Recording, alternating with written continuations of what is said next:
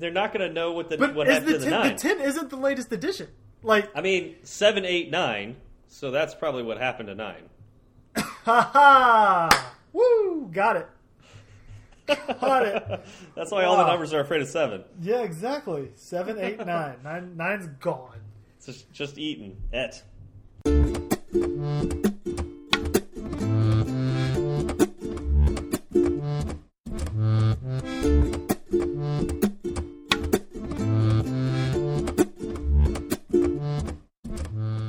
Hi, I'm Steve. And I'm Zach, and this is Fireside Swift.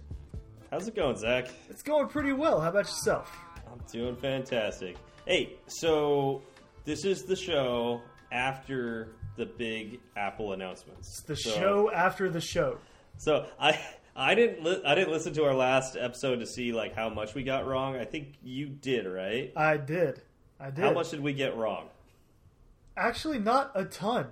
Nice. Yeah, there wasn't there. I mean, obviously the car wasn't announced, Yeah, but that, that was, was- more of a that was more of a joke anyway. High in the sky. yeah, that was like if they could do something giant, what would it be? And yeah, that car would that would have blown us all away. I I did not have uh, Apple stores turning into city halls as you know part of my uh, announcement bingo. I did not Right. have that. I didn't. I didn't either. That's really that's going to be an interesting uh, paradigm.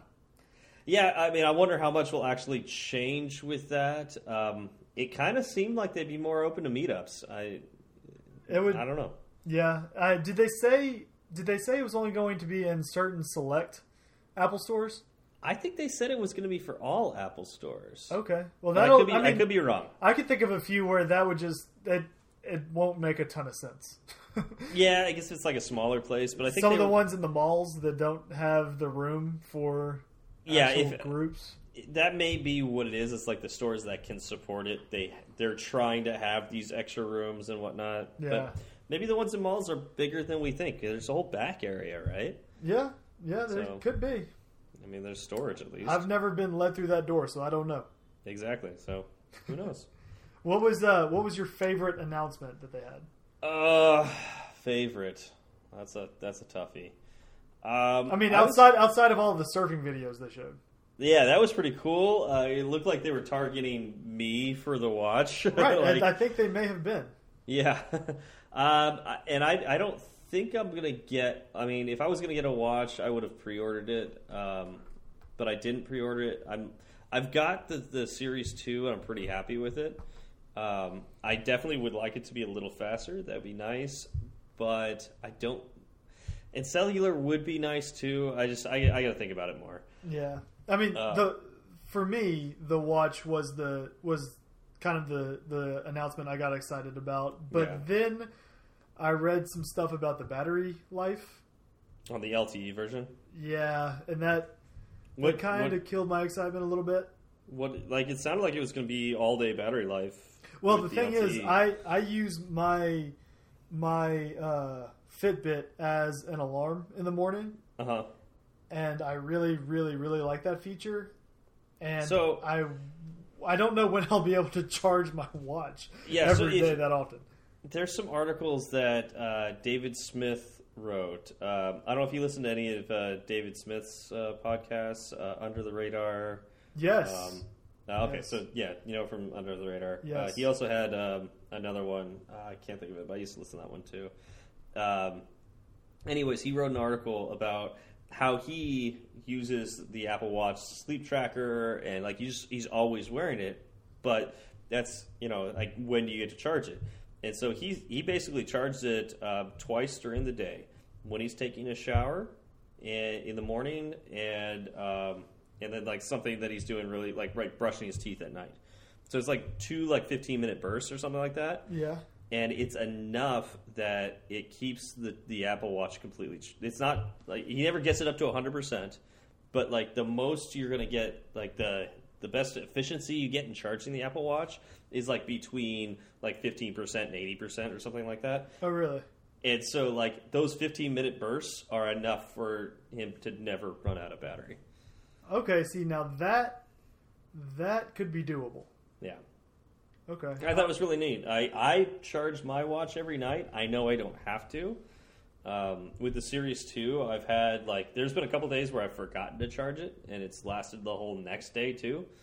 Uh, Wow. so, yeah, I would assume that the Series 3, as long as you're not making calls, would actually be more efficient. Right. Um, Well, I it, especially if you don't get the LTE model. right. Right. Like, that, that might even last for three days. Yeah. So I'm I'm interested in the watch.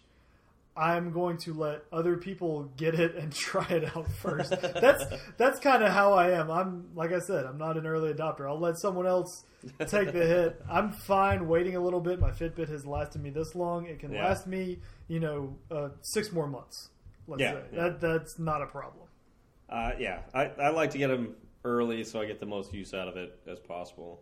That's that's my thinking. Right, but then I don't buy the next thing that comes out immediately either. Yeah, So- I, yeah. I guess if you you're always six I, months delayed, I'm always like- staggered. yeah, Right. Yeah, but for me, it's like it's going to cost the same amount six months from now to, that it costs today, and it's six months older at that point. So what am I waiting for? Yeah. That's my thoughts on it. So that's a fair point. Mine, mine are just you know let I will let other people do the testing and decide whether I want it from real world experience. Yeah, uh, I am going to get the iPhone X. Oh, 10, you're iPhone getting the notch. Yeah, I mean it's I you know obviously I work in this field. Um, I it's it's such a weird uh, UI that I want to make sure that I'm thinking about it when I'm designing apps. That makes sense. yeah, and I'm I'm gonna I have a, a seven. I'm gonna make sure that I'm gonna pay it off and keep that on as a uh, a test device, Mm-hmm. and then use the the ten as my everyday phone. Okay. That's my uh, my plan there. Very But nice. I think I'm not going to get a new watch. I, I think I'm fine with my current one. You think? I think we'll see. think.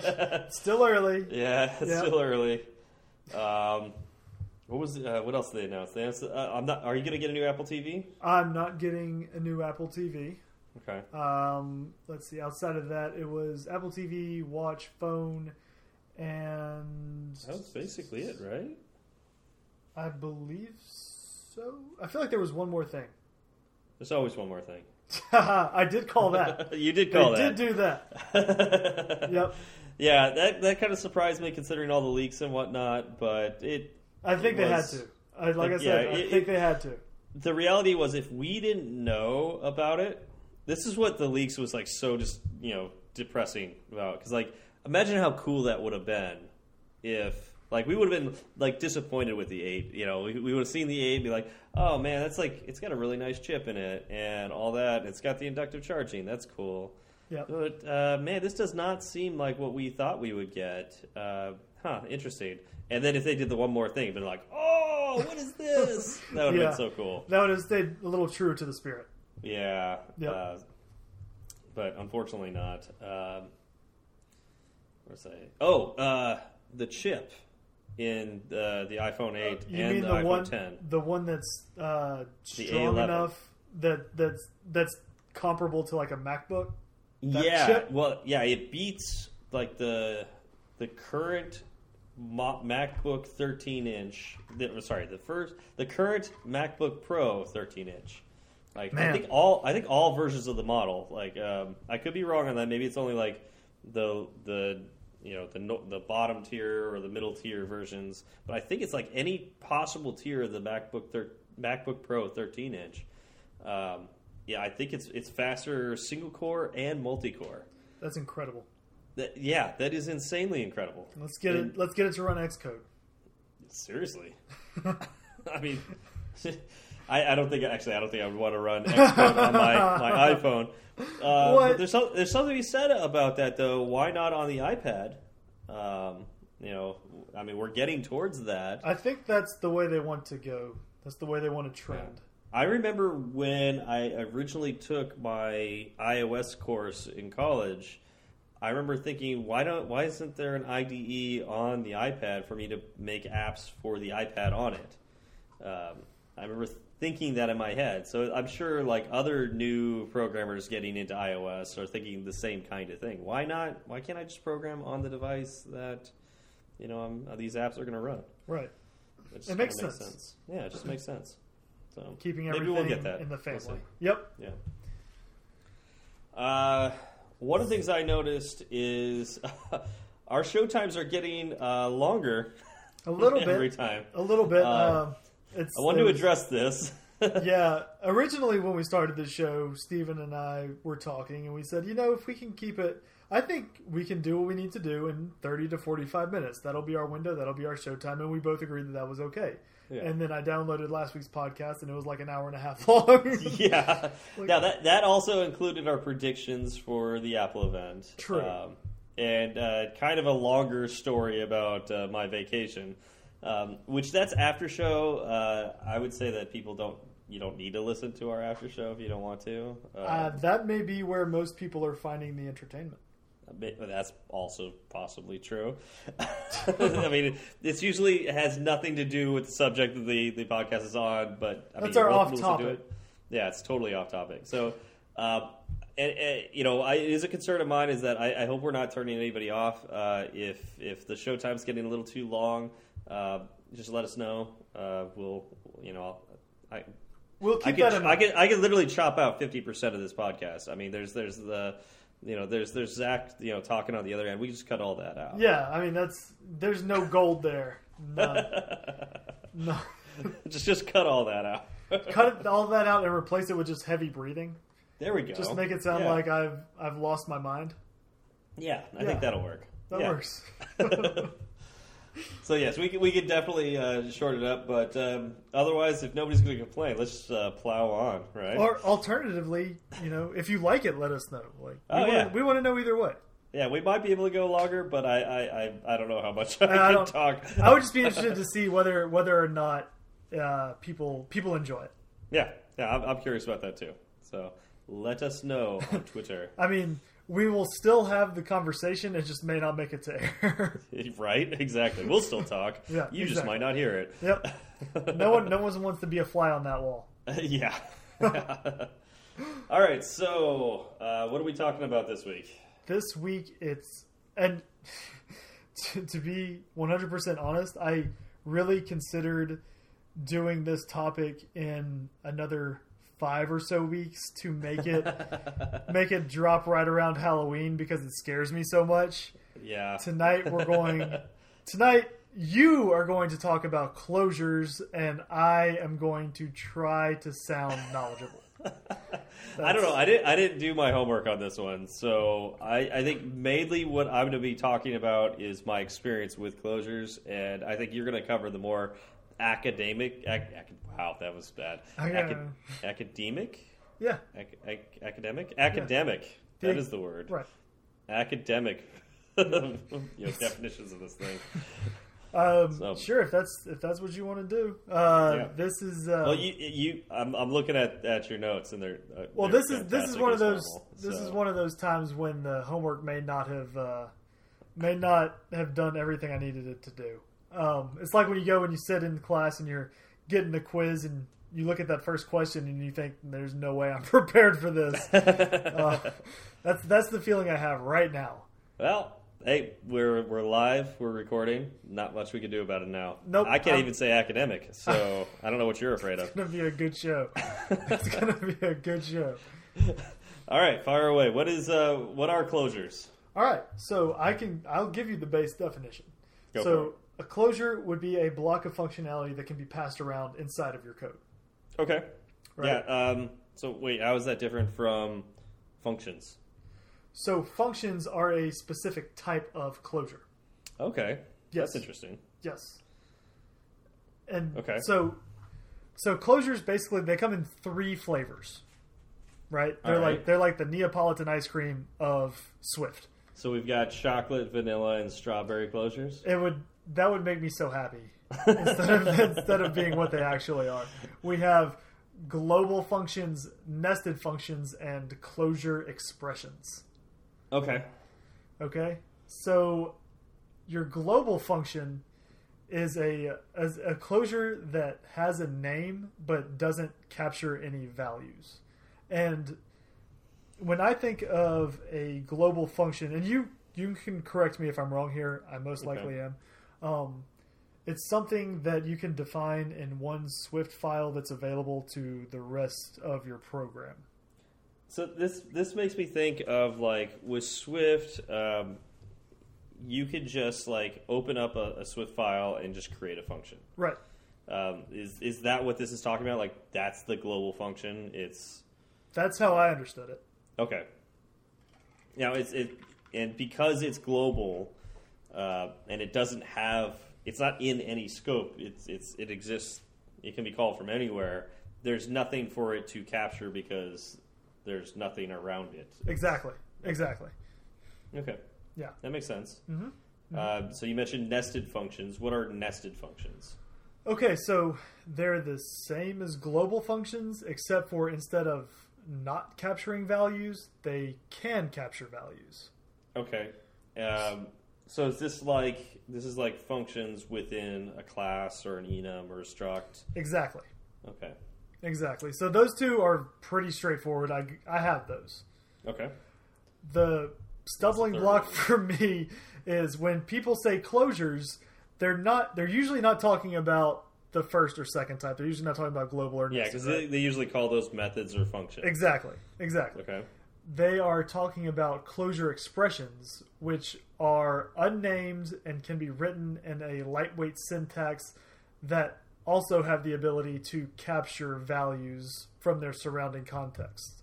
Okay. Th- th- I mean that makes sense to me. Um, And this is where my mind just gets blown. Just Yeah. So, uh, well, when I think of closures, I think of uh, you know defining like a variable that is. I, I actually would think of it as like a that variable is a function.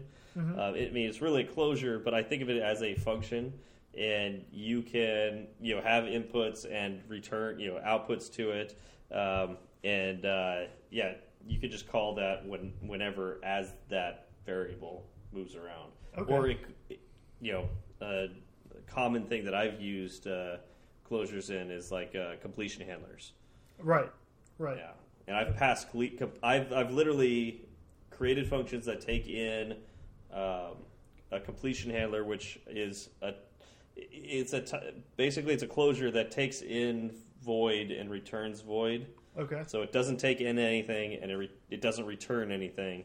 But I've actually passed that completion handler to different functions uh, until it actually needs to get called. Oh, So- okay. I've done that on many occasions. Interesting. Yeah. Okay. All right.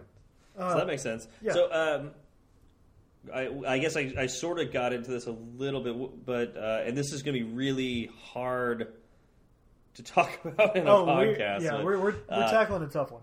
Yeah, uh, syntax of a closure. Right. Um, hope I forgive us all. We're going to try to describe this. Uh, I Yeah, don't know if this will come it- across. It'll be it'll be hard, but stick with us for at least a little bit. Yeah. You want to take a stab at it, Zach? Okay, so and th- so this is will be the closure expression, not the global or nested. Just to be completely clear, Yeah. uh, it's you know opening curly brace, open parens, then you have your uh, parameters or your arguments, close parens, then the arrow symbol that you see in Swift to denote the return type, right? And then the actual return type. Then there is a keyword uh, in.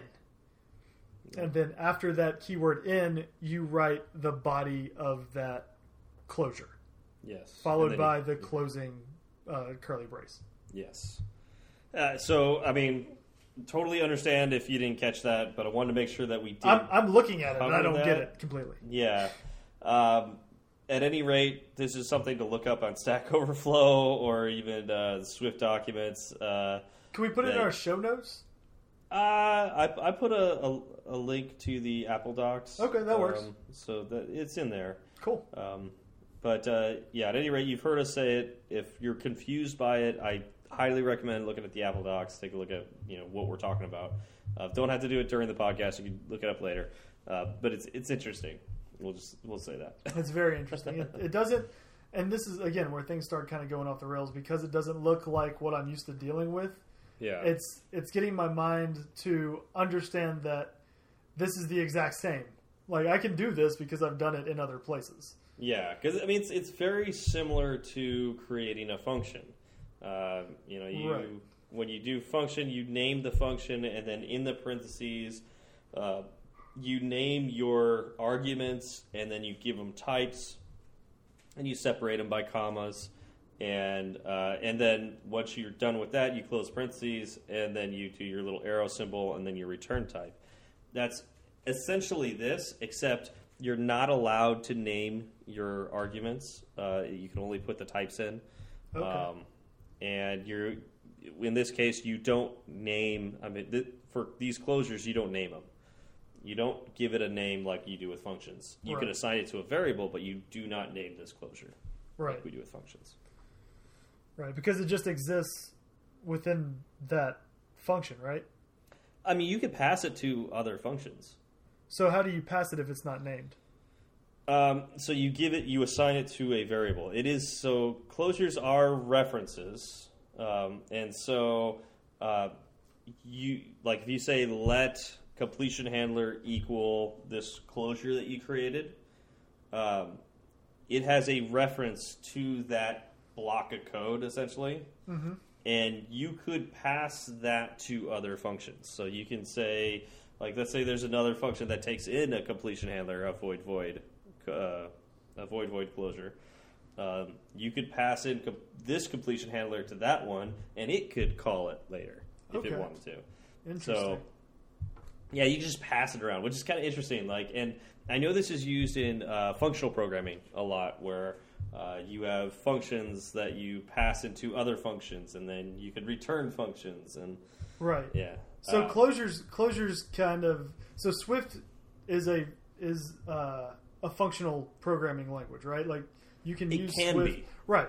Yeah. Uh, and so because closures are a a first class, you know, they are a type in Swift. That's one of the reasons why Swift can has the ability to be a functional programming language. yes, absolutely. Okay. Um, one of these days, I know we'll tackle functional programming. Oh, that's that one's so Yeah. far off in the distance. Yeah, like both of us need to learn basic functional programming first. Uh, yeah, Um, exactly. Uh, so that'll be a, a really fun episode if we try to do it prematurely. Oh yeah, that one will be ugly. Yeah, I mean, I I did a lot of algebra in school. Um, those have functions. That's true. So That's yeah. true. Well, I wonder how much crossover there is. Actually, I think there's a lot. to be honest. Um, well, we never know until we try. Yeah, from from the little I know of functional programming, I think if you think about it the way you did it in algebra class, where you've got like f of x and g of x, um, that if you have that mentality, uh, you can do functional programming. Excellent. Yeah, Cool. that's uh, that's what I know about it. We'll, we'll that's that's it. That's the entire episode of functional right. programming. so this is like a twofer. You get two Yeah. in one. There you Beautiful. go. I love it. See, we're, we're efficient. That's what that's called. yes, we are. And so, before we get any deeper, um, Uh-huh. I have used closures somewhat before. Uh, do you want to know what helped me kind of break the uh, break the ice with Yeah. them and kind of Yeah, start right. understanding what they are? So I would I would need a closure, and I would Mhm. end up just writing a function.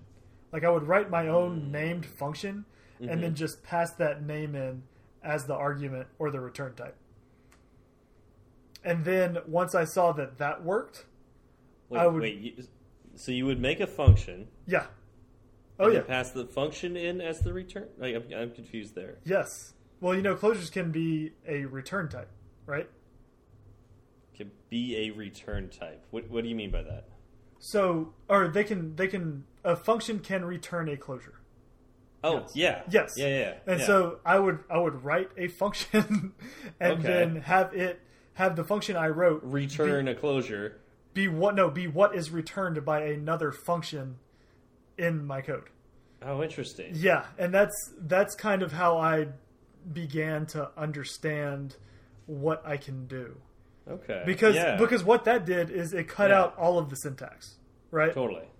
It, it stripped all of the syntax away, and it let me approach closures from uh, from a standpoint that I was already familiar with. Well, I, I know one of the things that helped me after I understood how all this stuff worked. Um, it's it's still really tough to get the syntax right. Uh, that's one of the reasons we spent a little time talking about it, even though it's like really hard to explain on a podcast. But it's it's a, it's a weird syntax, and I would constantly forget it, uh, particularly when declaring closures in uh, as uh, parameters for new functions that I'm writing. I'd forget how to write that. Right. And um, a buddy of mine who was actually better at, I probably still is better at Swift than I am. Um, he showed me type aliases, and uh, this is not the episode on type aliases at all. Uh, this is you're gonna get a threefer. Um, Wow. But one of the things you can do in Swift is you can uh, do something called type alias, and basically um, rename a type to something else. So instead of an int being an int, you could call it whatever you wanted. yeah, yeah. So like, let's say age, right? Right. So you can have age, and it is it is literally an int if you wanted to.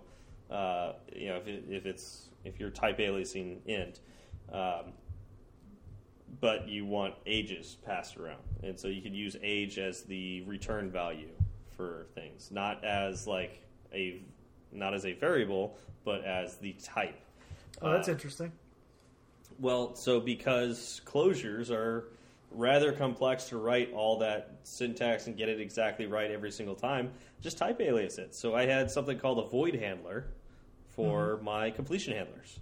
Nice. And I also had error handlers that uh, would return errors. And so, uh, and so instead of uh, when I'm creating a new function and I wanted to take in, you know, have a completion handler with it, I would either I would do a void handler as the type, you know. Okay. It was, so it's completion handler and of type void handler. Uh, Yeah, and so that's something you can really do. It's it's uh that helped me. Um, I don't know if that helps everybody because you'd have to learn, you know, type, Type alias too. and I, I again, I don't know if that helps everybody. One thing at a time, Steve. One Yeah. thing at a time. Yeah, but uh, it might help with the syntax and trying to get that right everywhere. Right. Um, what's so- nice is once you get that done and then you call the function, the autocomplete is really good in Xcode for creating your, your closure and being able to use it. That you know Right, you don't yeah. have to think about that. Too. It gives you everything just right off the bat. Yeah, Cool. but when you're defining the function that ha- takes in an argument that is a closure, that's a little harder to remember. Yeah, it is. Throwing that out there. It is. Yeah. So, one of the, uh, I think the reason closures threw me, and the reason that I wrote my own functions and then, you know, used them as the return type or as as the argument, is because closures will uh, utilize type inference. Yeah. Okay. Wait, wait. Okay. So wait. So what do you mean by that, though? So, when you, uh, so Swift can infer a type of a variable, Yes. right? Yep. That's one So- of the coolest things about Swift. I- I, Exactly. love it. Uh, it's also it can be a downfall though, and I think we talked about this on a past episode, but I'd like to bring it up again. You want to be very careful with type inference because if you let everything be inferred, that takes up pre uh, pre compiling time, and sometimes that will slow down your pre compiler like so much. Like I, I, it took like 15 minutes you know I, I did something where I was uh, using type inference for a dictionary that had Oh, dictionaries right. within it, Yep. and because of the recursive nature of type inference, uh, it literally would slow down my compile time to like 15 minutes Yeah, that's that's awful. from a minute, you know, or less. Right. Right. So be careful with that. Just just throwing that out there. So because because closures can use type inference, you can it'll it'll allow someone writing a closure to remove the types from the parameters and the return value of the of the signature of the closure. Okay, I think I'm following you. So instead of saying like, you know, you have your closure uh, blah of type int, hmm second blah two of type int, Okay. you'll just have blah and blah two. So you'll have variable one, variable two, and you Oh, won't really know what those like variables are. The dollar sign zero and the dollar sign one. Is that what you're talking about? That's that is where I'm going. Yes. Ah, okay. Yes. Okay, cool. And on top of that, and actually, so this part I think is kind of nice once you get used to it. Uh huh. If your closure has a single expression in it, you can Uh-huh. drop the return keyword completely. Yeah, I mean, I've seen that, and that that's cool because it gets like a really shortened syntax. Right. But I'm not sure exactly how I feel about that for readability. Right. Uh, Oh, but but it gets. I mean it goes even further. Like so, not only can you drop the return type, and you've dropped or drop the drop the types, drop the return keywords, then you just drop the variables and the fact that it returns them completely, and you'll have dollar sign zero and dollar sign one as the first and second as placeholders for the first and Yeah. second variables. And it's like, at what point do we get a little too cute with this stuff, trying Yeah. to make it, trying to make it super super uh, shorthand, and then lose all readability? Yeah, and I, you know, I, am seeing in the notes uh, you're using the example of sorted. Um, that's a common, uh, a common uh, method that we use on, uh, well, like arrays, right? That's, Right. That's where sorted is. Right. Um, and uh, yeah, it eventually can get dropped down to like if you could, you could sort something and and you put like uh, so like in this case like dots dot ep, or sorry episodes dot sorted space open bra- curly braces you put your dollar sign zero you're less than then the dollar sign one and then you close the curly braces that doesn't even look like swift to me anymore No, it doesn't. because like where's where's the function it doesn't even look like a function No. and yeah, I, I actually I have a I have a real problem with this, and so you know, whoever d- you know decided on this, I'm sure I could figure it out because Swift is open source. But uh, I, I'm really curious, like, who decided this, and why does sometimes why does Xcode default to this syntax when I hit it, you know like when I do the autocomplete on uh like a completion Right, handler or something yeah. like that? I don't like this I don't either. I am not a fan. it it uh, it makes me think that it's separate from the the method and It, it, Ah, jeez, I it doesn't like look all. like anything else in Swift yeah to me. yeah and I, I'm sure like uh, you know as even both of us get more familiar with Swift um, this would be fine in fact I'm looking at it right now I know exactly what it's doing I've I've used this enough but I still don't like it. Um, but what what happens when you've got uh, you know a junior engineer join your team, and they've never seen this before? They know what closures are, they know what methods are, but they don't. They've never seen this before. Right. And, Like, and the other thing is, this is only with two variables. You can Yeah. have, you know, infinitely many. I mean, that's I know a, a, That would get big step. ridiculous. But you could have five, six, seven variables. So you have dollar Yeah. sign zero to dollar sign seven, and you have Yeah, no well, idea what any of those types are. Yeah, and another thing I don't like about this is dollar sign zero. What does that mean?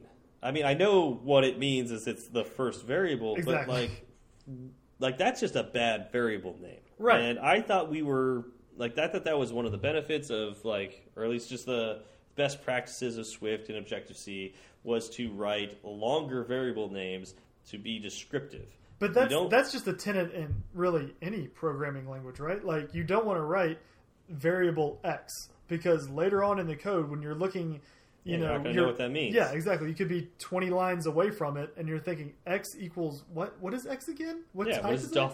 What is dollar sign zero? What is dollar sign one? Right. Like, that's And that's what you start out with here. Yeah, yeah. So I'm not a fan of this. Um, I'll admit I've used it. Um, Wow, you sounded so dirty when you said. I know. You're just- I know. Ah, Because like it is easy, and it does shorten everything down to not only just a single line, but you know, very condensed single line. Um, like I, I think I used it in sorted. I think is is when I've used this, um, and it's common enough on Stack Overflow that if you weren't sure what this was, you could look it up. At any rate, I'm not particularly proud of it because, again, I, I, I feel like this is not great for newbies to learn this. I agree, and that's that's one of the reasons why I love Swift so much is because I found it so approachable as a beginner, Yeah. and this is the exact opposite of that. Yeah. Yeah, so I, I'm curious. Um, I probably need to read some of like the Swift Manifesto stuff on why this is the case. Um, you know, I, or just talk to Jesse Squires or something like that. Yeah, he seems to know what's up. He seems to know all that stuff. yeah, Sup, Jesse? Well, let us Yeah. let us know about closures, please. yeah. Tell us, tell us why we have to deal with dollar sign zero and dollar sign one. Yep. Tell us why we should care. all right. So, what's next? Okay, so closures, and we, we spoke about this briefly, they can be return types, or they can be returned from a function. Yeah, because they are types, and Right. you can return types from functions. So Right. that makes sense. Okay. And so, and we also talked about this a little bit. Closures can be arguments, and Yeah. I can I can get I can get that they can be returned. For some reason, that makes more sense to me than them being arguments. Okay. I guess because if I define a function, I will not. I usually, I guess I don't. Yeah, like I, I won't define one of those arguments to my function as being void. Define one of those. Oh, okay. And if and if I have a closure that returns void, then what is that argument in that not function? you're not passing in the argument to immediately get run. I know, and that's and, and Yeah. that's and that's why why this makes sense. But I'm saying that's Yeah. why it doesn't make the connection in my brain yeah. is because I'm looking for that void in that function somewhere, and it's not going to be there. And I understand Yeah. that. like But to- it took me, it took me a long time to get to the point where, okay, this while this is an argument to this function, it's not going to be like the return type or the return of this function won't be used in the or the sorry the return of the closure won't be used in the function in which it is defined. Do you see what I'm saying? How it can get a little complicated? yeah, yeah, I, I and I can see that. Yeah, it's it. Yeah, it's just going to get passed in, and then whatever you decide to, it. I think of it as just a chunk of code. Like you're just passing around a chunk of code that can be run at any point, and it. And so you pass it into this function. If you decide to run that chunk of code, it's going to return something, and then you could use that value that it returned. But you don't have to use it either, and it's it's wherever you decide to run it. okay. You can So- also run it multiple times too. It's not something that you could just you you know once you pass it into a function, it's not a run once thing.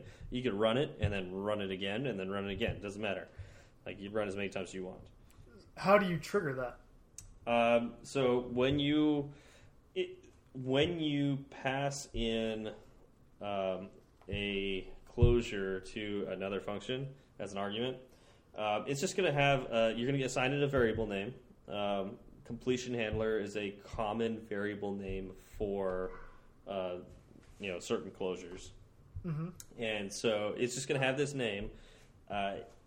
But to execute it, what you do is you you write the uh, variable name completion handler, and then you op- at the very end of that you open a parenthesis and you close a parenthesis. Okay. You know, like a circle. Right. And, Right. Uh, yeah. uh, unless it takes inputs. You know, there are some uh, closures that also take arguments. So within those that parenthesis, you would put your arguments right there. Um, but that would be how you call that. It's like it's like you're calling a function, but that function only exists, you know, within this function because you've passed it in. Okay. Yeah. So I, uh, the the function within a function. It's, Type. it's a little it's a little tough to wrap your head around. Yeah. Yeah. Yeah. I know. I know. I know. especially um, so this is a common thing for me to do uh, with network requests that ch- chain so there's uh, there's apis that you'll call that like page so uh, let's say i can only get 10 objects back uh, for, with every page Okay. and so I, I hit this API with a network request, and it comes back with ten objects. Well, then I need to I need to grab the next ten. Uh, let's say there's hundred total objects. I need to, I need to grab the next page ten times. Well, nine times really. Right. So I grabbed the first one. So I gotta you know do this nine more times. I don't like once I, that network call comes back. I don't want to say I'm done because I'm not. I got to grab the next page, and then I need to grab the next page, and so on and so forth. Um, and I may not know when I make this initial call how many pages there are going to be. Right.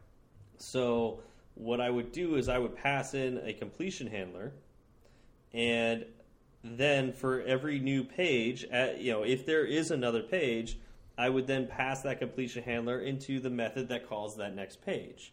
And then I would call, you know, then I would keep doing that. I would, you know, keep passing this completion handler down through each of these network requests until that final page has loaded. And then that function that, you know, got that last page would then call the completion handler because now I'm finally done getting my results. Does that make sense? Yeah, a cautious yes. A cautious yes. A cautious yes. That might be the best we could do here without like you know literally showing it on a screen. Um, right. yeah, uh, which is yeah, it's just tough to do in a podcast. Uh, but hopefully, uh, some people understand what I'm talking about. There has to be at least one person out there that gets that. yeah, I mean, hopefully. I may not be him, Um, but that's okay. It's it's very powerful, um, and I actually think this makes your code far more readable um, using completion handlers because uh, Well, well, well duh. earlier we said earlier we said it does not make it more readable okay so using I think that- so I think the sh- the shortening techniques that do like the dollar sign zero dollar sign one that makes things far less readable. Mm-hmm. okay, But I'm not talking about the shortening techniques. I'm saying just using completion handlers. just so this one specific case of closures. yeah, the Okay, so you're saying there's a range based yeah, on what there's definitely a range. Yeah. okay, so so closures used in this way more readable. Closures used in that ridiculous. I'm going to put dollars signs in front of everything. Maybe not less so much. readable. Yeah, less readable. Okay.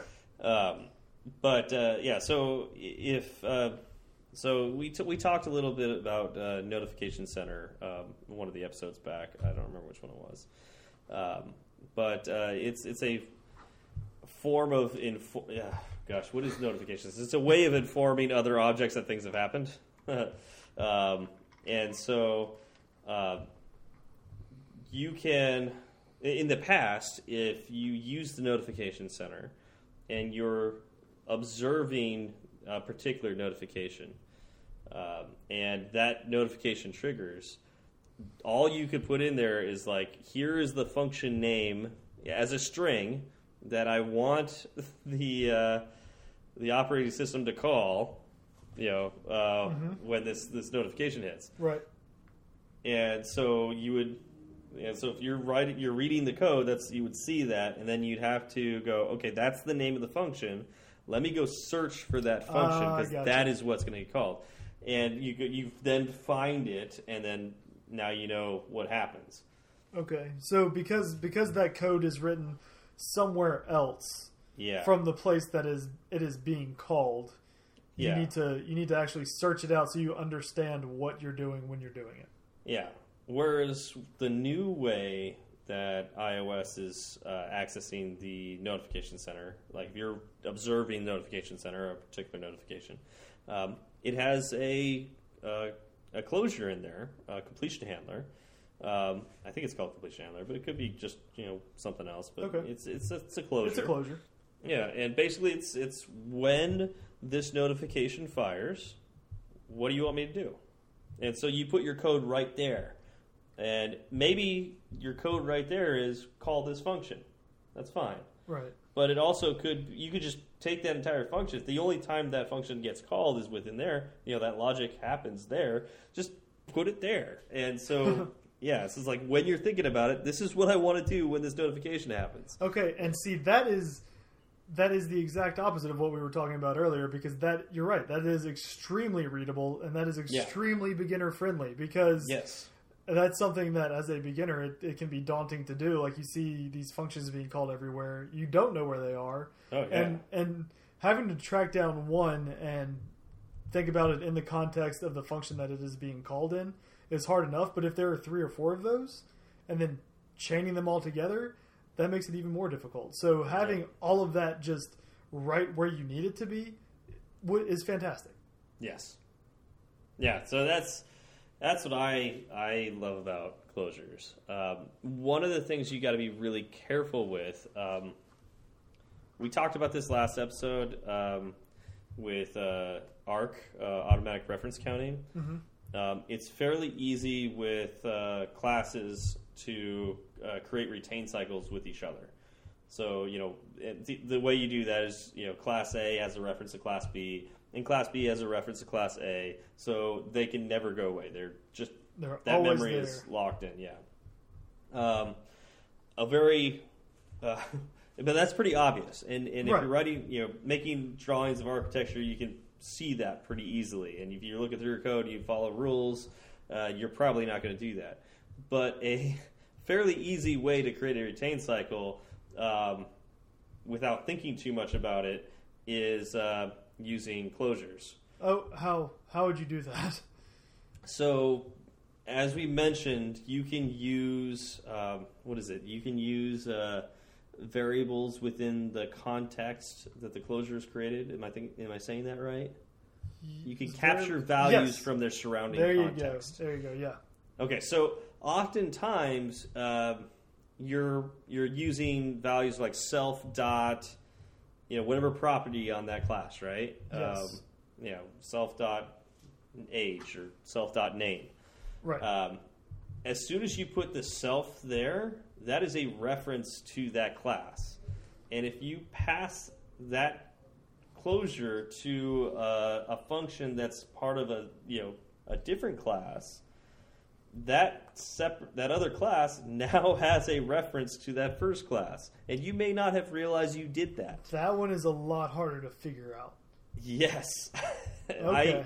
I, uh, I I am the first to admit I have done this on many occasions.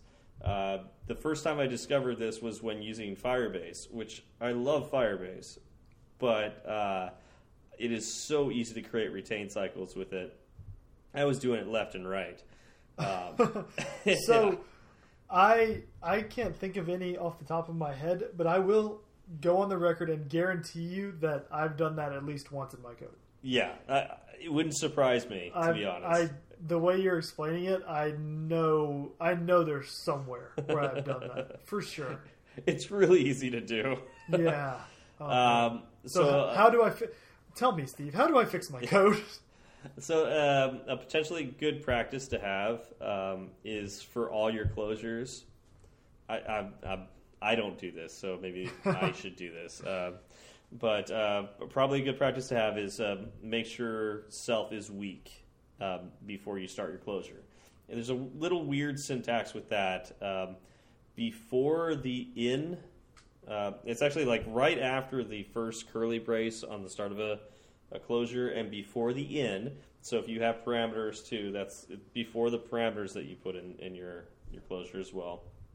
Um, you're going to do a, a brace, a, a you know, straight brace, the word weak, a space, self, and then close your brace off. Okay. That basically makes self optional. You know, it's uh, Oh, okay. Yep. And so if you want to use self, like I mentioned, self.age or self.name, now you're going to have to unwrap self before uh, you can get those values. Because self may or may not exist. It is now a weak reference. Okay. So, y you know, for for our listeners, um, are you going to have this in the documentation? Say, if anybody were to have these, they could go go check uh, check this out. Is that going to be in our show notes? Yeah, you know, I'm for, see- for the listeners. I'm, I'm Yeah, just for the listeners, yeah. of them completely. um, where would where would I go to figure out how to fix my? I mean, their code. Uh, uh, let's. I'll, I'll see if I can find a Stack Overflow. That would be um, I think we should we should it. definitely provide that for them. That that's a great idea. Yeah. I'll, I'll see what I can do. Okay. Find find a good Stack Overflow Thank, on that. thank you for all of them on on behalf of all of them. Thank you. Yeah.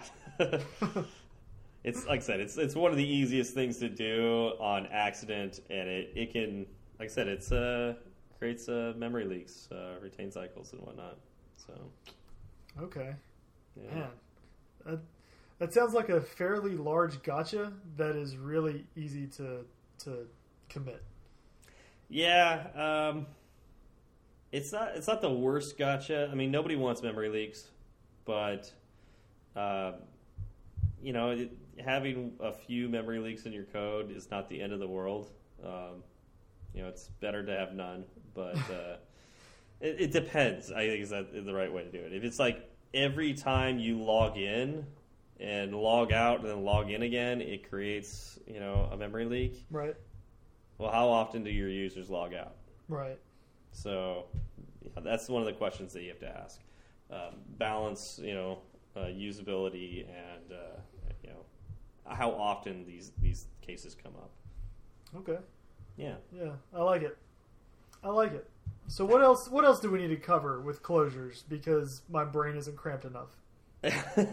uh, this is a particularly uh, tough concept to get around. We've mentioned it a little bit. Um, the fact that closures capture values.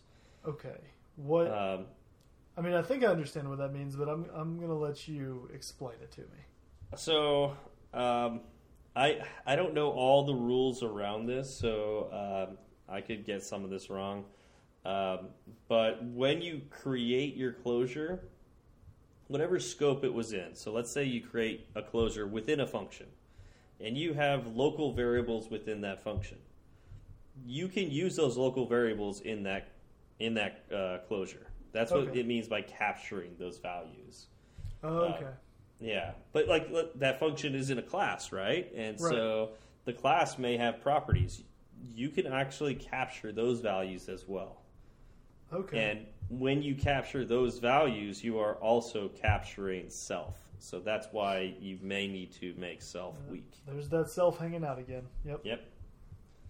Okay. So that Yeah. that's part of that retain cycle issue. The fact that it can capture values. Yeah, that's yeah, that's part of the definition Right. of closures. Okay. Very nice. Yeah. Um, let's see. What what else is there, Zach? I I think we covered most everything. I think we've we've covered most everything. I'm not sure where I stand on it to be 100 percent honest. yeah, and this is uh, this would have been a prime um, episode to do more of our uh, do like a playground and uh, have Yeah, the, would've been- GitHub page. That would have Um, been great if yeah. that had happened. if it had happened. Uh, uh, if, if one of us gets motivated and decides to do a little homework on that, I wouldn't complain. Um, Is, that one of us? You? Is that one of us named Steve? I think this would be a great learning experience for you to take what you've learned in this episode and and give that to our, our listeners in the form of a playground. Uh, we'll see. You know, we'll, we'll see. I'm, I'm, I, you know, if I if I find the time, I will do it. How about that? Yeah, that that sounds good. Yeah, time is uh, definitely getting hard to come by. exactly, exactly. Yeah, I, I think that's fair. All right. So cool. Uh, yeah. I, I've got one more question pertaining to closures. Fire away. So, if I pass in a closure as a parameter or a return value, okay. would that make my function uh, less flexible in any way? No. Um, in fact, I would argue that it makes it far more flexible. Okay. For instance, if you're making a, a framework or a library, um, like a pod or something like that, Mhm.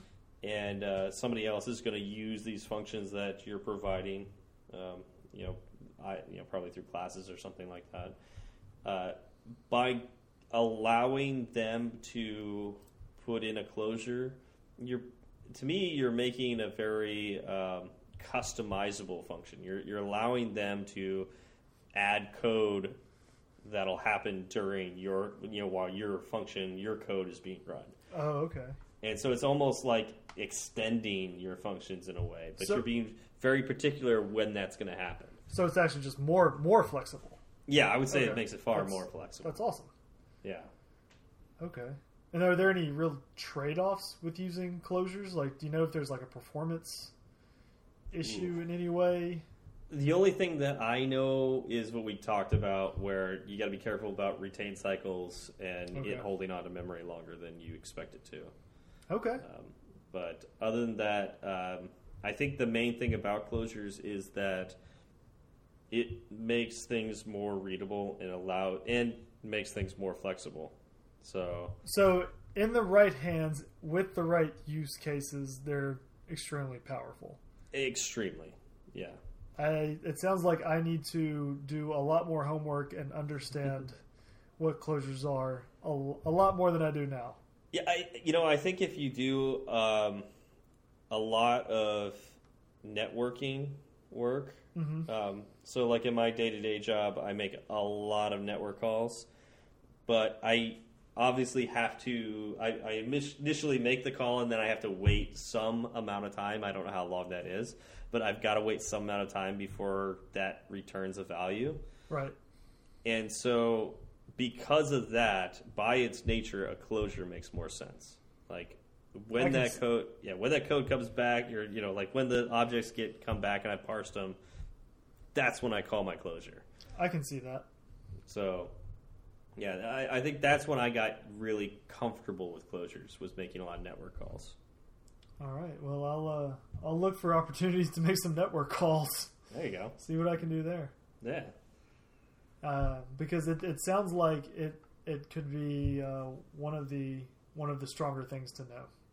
oh yeah, And it sounds like it's it's fairly um, they're they're prominent in Yes. Swift code, right? Like Yeah, you're not gonna you're not gonna have a project that doesn't Yeah. have a closure, right? It, it's actually gotten to the point that when I see, like, uh, I, I can't use the new way uh, of doing things. Like, I'm using an older uh, framework that was originally written in Objective C or something like that. Mm-hmm. I get angry when it doesn't use closures. oh, yeah, because it makes just makes things so much easier. It's like, why can't I just put my code right here? Uh, one uh, that I used the other day was NS Timer, and um, the new one, Timer, which is the the Swift one. I've used timer. Yeah, that's that's great, but we support iOS nine and up, and yeah, I think it's nine and up or eight and up. I think it was nine. We support nine and up, and um, because we That's like we the sup- Stone Age. yeah right. Oh, Yeah. Uh, so because we support Stone Age uh,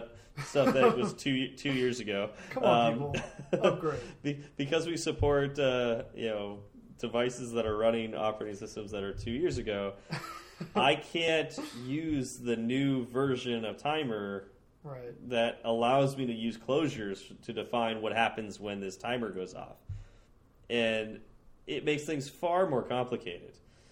Um, yeah, I mean it's just it's just great with with the the new timer with the closures because it's like, all right, when it goes off, run this code. You know, Yeah. Yeah. Do no, this. that's that's awesome. And I, I have used timers, and I have used that exact use case, and I found that simple. I think I may be overcomplicating closures. Um, it's like it's the boogeyman, right? like it's been it's been under my bed it's been freaking me out and the the more afraid of it i am the less Yeah. i want to approach it Yeah. and the less i want to approach it the more afraid of it i get yeah. and it's just a cycle and it makes it I- bigger and bigger and Yeah. bigger I think that's uh, right now my bogeyman right there is uh, web development. oh yeah, yeah. I mean, so like servers and stuff like that, that used to be my boogeyman. And then for uh, a project, I had to write my own API and whatnot because it was a contract, and the people that had you know signed the contract were supposed to write the API, but they didn't know how to, and so it fell to me. I had to write this API, Yep. and so I I learned how to do that, and it was amazing. After I did it, it wasn't scary anymore. yeah it's it's amazing how just by confronting what you're afraid of it, you all of a sudden lose that fear Yeah. yep No, yeah, I don't know if I want to do that, you know, every day. Oh no, no, not at all. Yeah, that's yeah, it's it's just not scary anymore, and I understand what's going on behind the scenes now. Exactly. So yeah, I'm I'm actually going to actively look to uh, maybe maybe add some more closures where I could in my code and, and enhance the ones that I do have because Yeah. That'll only make me a better programmer in the end, right? Yeah, Excellent. yeah. All right. So I think that's uh, that's about it for closures. I agree. It's a nice You- nice you tidy know- episode. Yeah, you know, you now know everything about closures. I'm I'm ready to go. Let's do it. All right. Do we have uh, any shout outs this week? Yes, yeah, big news. The Swift Coder podcast, kind of our flagship of the network. It's uh, recording and releasing new episodes. That's right. This is uh, season four. Uh, that sounds right. Okay. I know it's a new season, but uh, I don't remember which season he's on. So that, that sounds about right. yeah, so the new season has just started. Um, you know, kind of news with that is uh, earlier today, uh, Zach and I got to jump on the latest episode, and uh, he did a very impromptu commercial for us. Yeah, that was a whirlwind, wasn't it? that was. Garrick, people who listen to this show know how long we can talk about anything. And Yeah. Garrick was like, y'all have five minutes. well, and then he gave us a list of like ten questions we were supposed to answer. And I was like, I was- five minutes per question? What are we what are we talking about here? Um, Yeah. Well, and and on top of that, it's like I, I'm not. I don't quite understand the the context of this. Um, apparently, his plan was in the middle of his show. He was going to send us a text message to join the show. Uh, do it live. Like, do it live. on Yeah, essentially do it live. Like he, he doesn't do a lot of editing to his show. And so like do do it live and then cut out in the middle of his interview with uh, with Brian, right? Brandon. Brian was Brandon Brandon. Thank- sorry, Brian. Yep. Brian. Um, yeah, Brandon. Um, so yeah, so uh, we yeah we It get was- on there.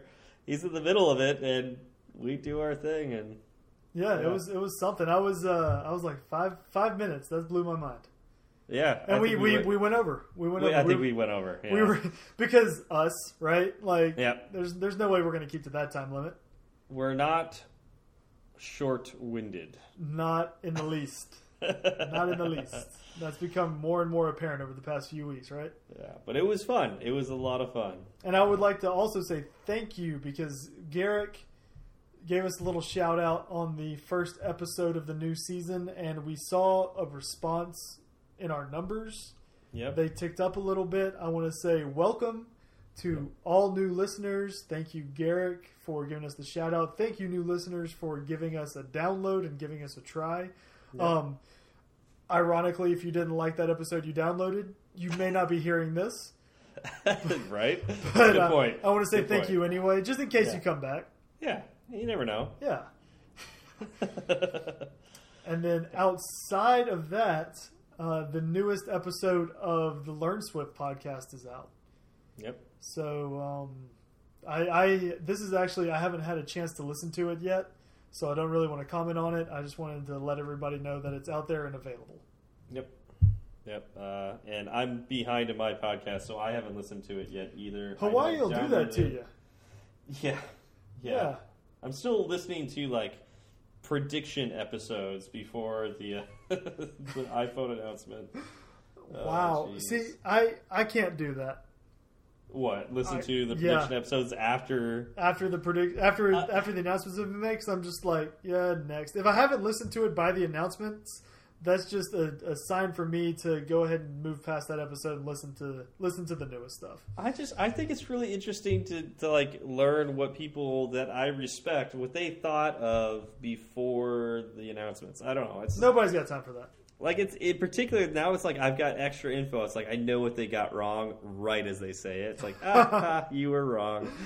Wow. and and it Yeah. just makes you feel better about yourself for like No, not at all. But Oh, uh, okay. it, it does allow me to fa- like uh, you know lo- you know logic test them like right as they're saying it. It's like okay, yeah, you know what you're talking about. Yeah. how many what what percentage have gotten or what percentage do people usually get right? Like are people Oh, like seventy five percent there, eighty percent there? I, I feel think- like I feel like all the ones I listened to, thinking back on them, they they got a majority because Yeah, I think in this this one in particular, they got the majority. Um, yeah, I ATP even had um not this, ep- not the one right before the announcements, but the the week before that, they had the uh, the swipe up home button thing. Um, they weren't sure about it, but they had like heard a rumor about it, and I thought that was interesting wow. because I would have thought they would have been completely wrong on that. Yeah, I wasn't expecting that at all.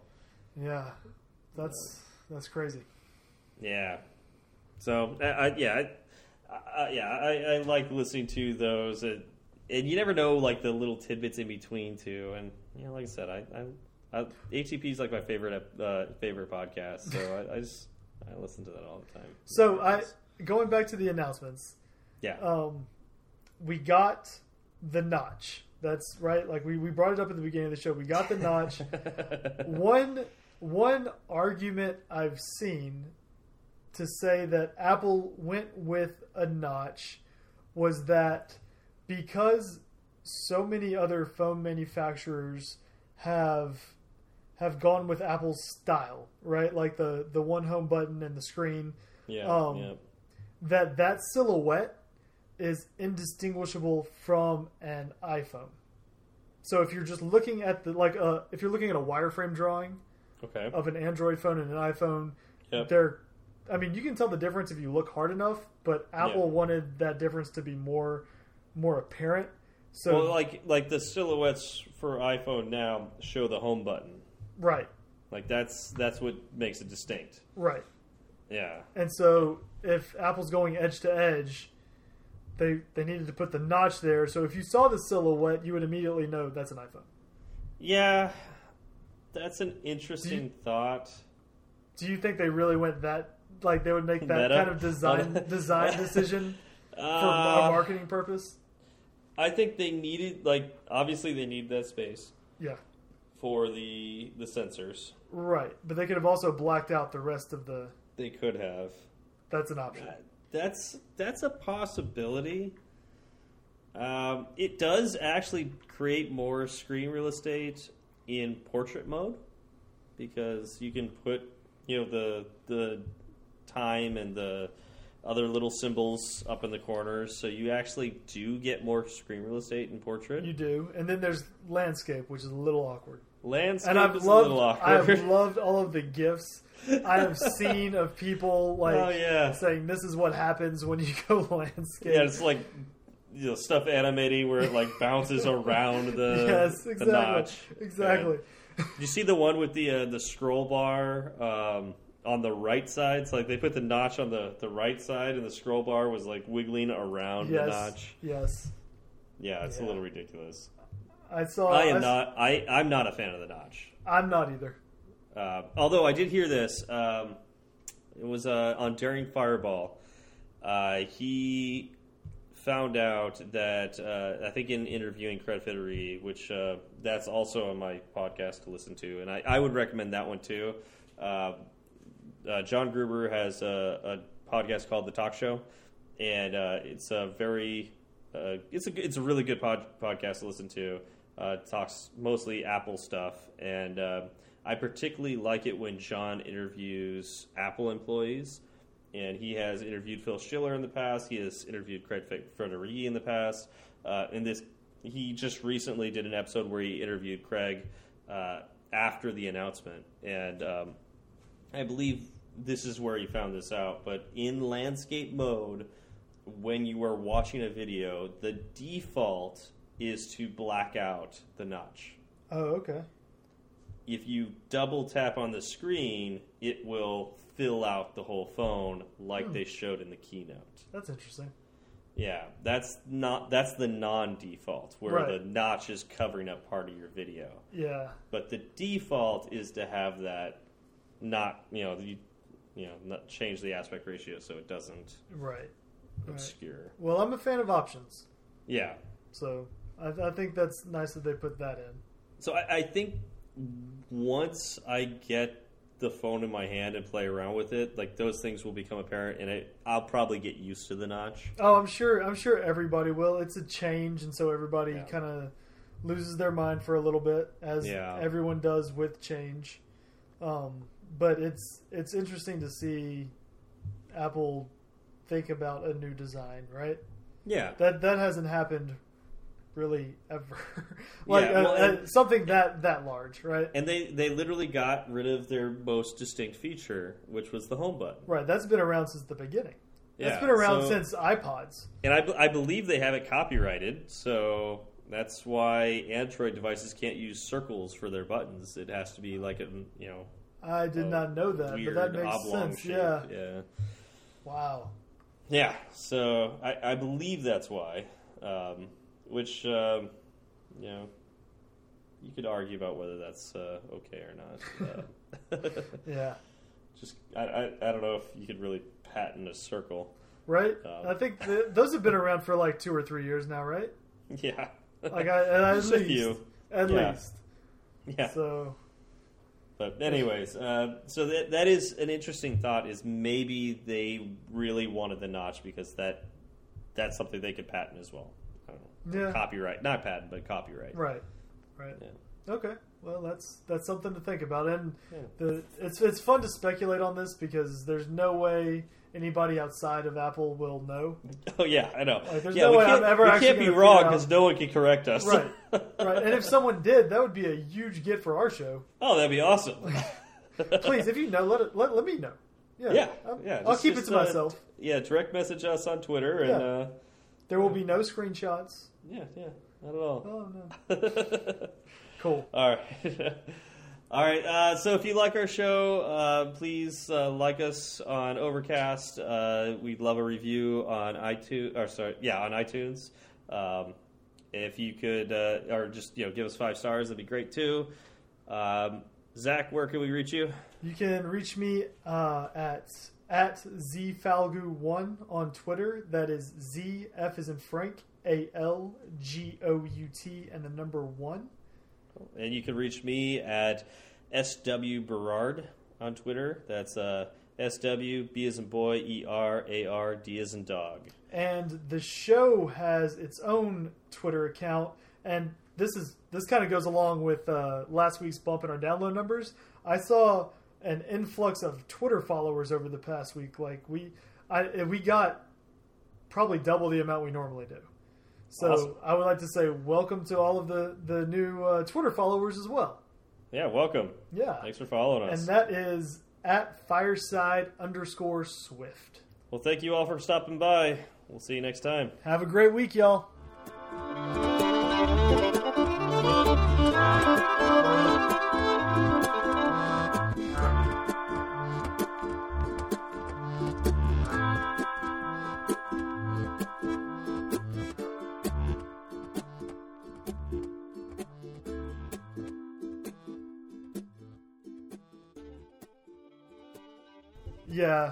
And uh, people are just kind of late. I love people watching. Love people watching. There's And a lot of people to watch in Venice. And people watching in Venice is better than people watching on Bourbon Street, I believe that. in my opinion. Because Yeah. Bourbon Street, you're always wondering if you're just going to get stabbed. I haven't been to Bourbon Street. I have heard it's not as good as people think it is. It's thank you. Oh That's- my That's god, what I've heard. that's so true. Like I'm really? not. I'm everybody I know absolutely loves it, Uh-huh. and I am not. It, that's not my scene. Okay. Like uh, I will say, I will say that I found one of the absolute best street bands I have ever heard, and like Mm. I love I love street music. Like Yeah. people Yeah. just playing beat to hell instruments, like Yeah. uh, and that's why you sent me that yeah. picture, and I was like, I love it. Like that. Oh yeah, fantastic. Yeah, this is like my favorite part about Santa Monica Venice is like there's Yeah. these guys all around, and they're like the most amazing artists, like you know, just music artists. Period. And they're like literally homeless, you know, on the side of the street playing their music. It's Yeah, like, how? Like, yeah. I don't. know. Yeah, The I, I love it. the second hand street band. Shout out to the Secondhand street band. Y'all are go. amazing. I- Oh, I gave them all of my money. Put that in the show notes. We'll just like, you know, if they ever listen to us. Uh, if they ever do, that would be that would be fantastic. I was so I Second hands. Wait, say it again. secondhand street band. Second hand street band. Yeah, they are amazing.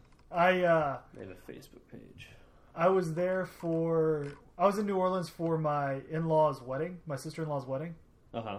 and I I really regretted not buying one of their CDs Hmm. when I left, and uh, I told her about it, and she she went out and found them the next day because they stayed longer. Oh, nice. Found them the next day and bought a CD for me. I nice. love Nice. it.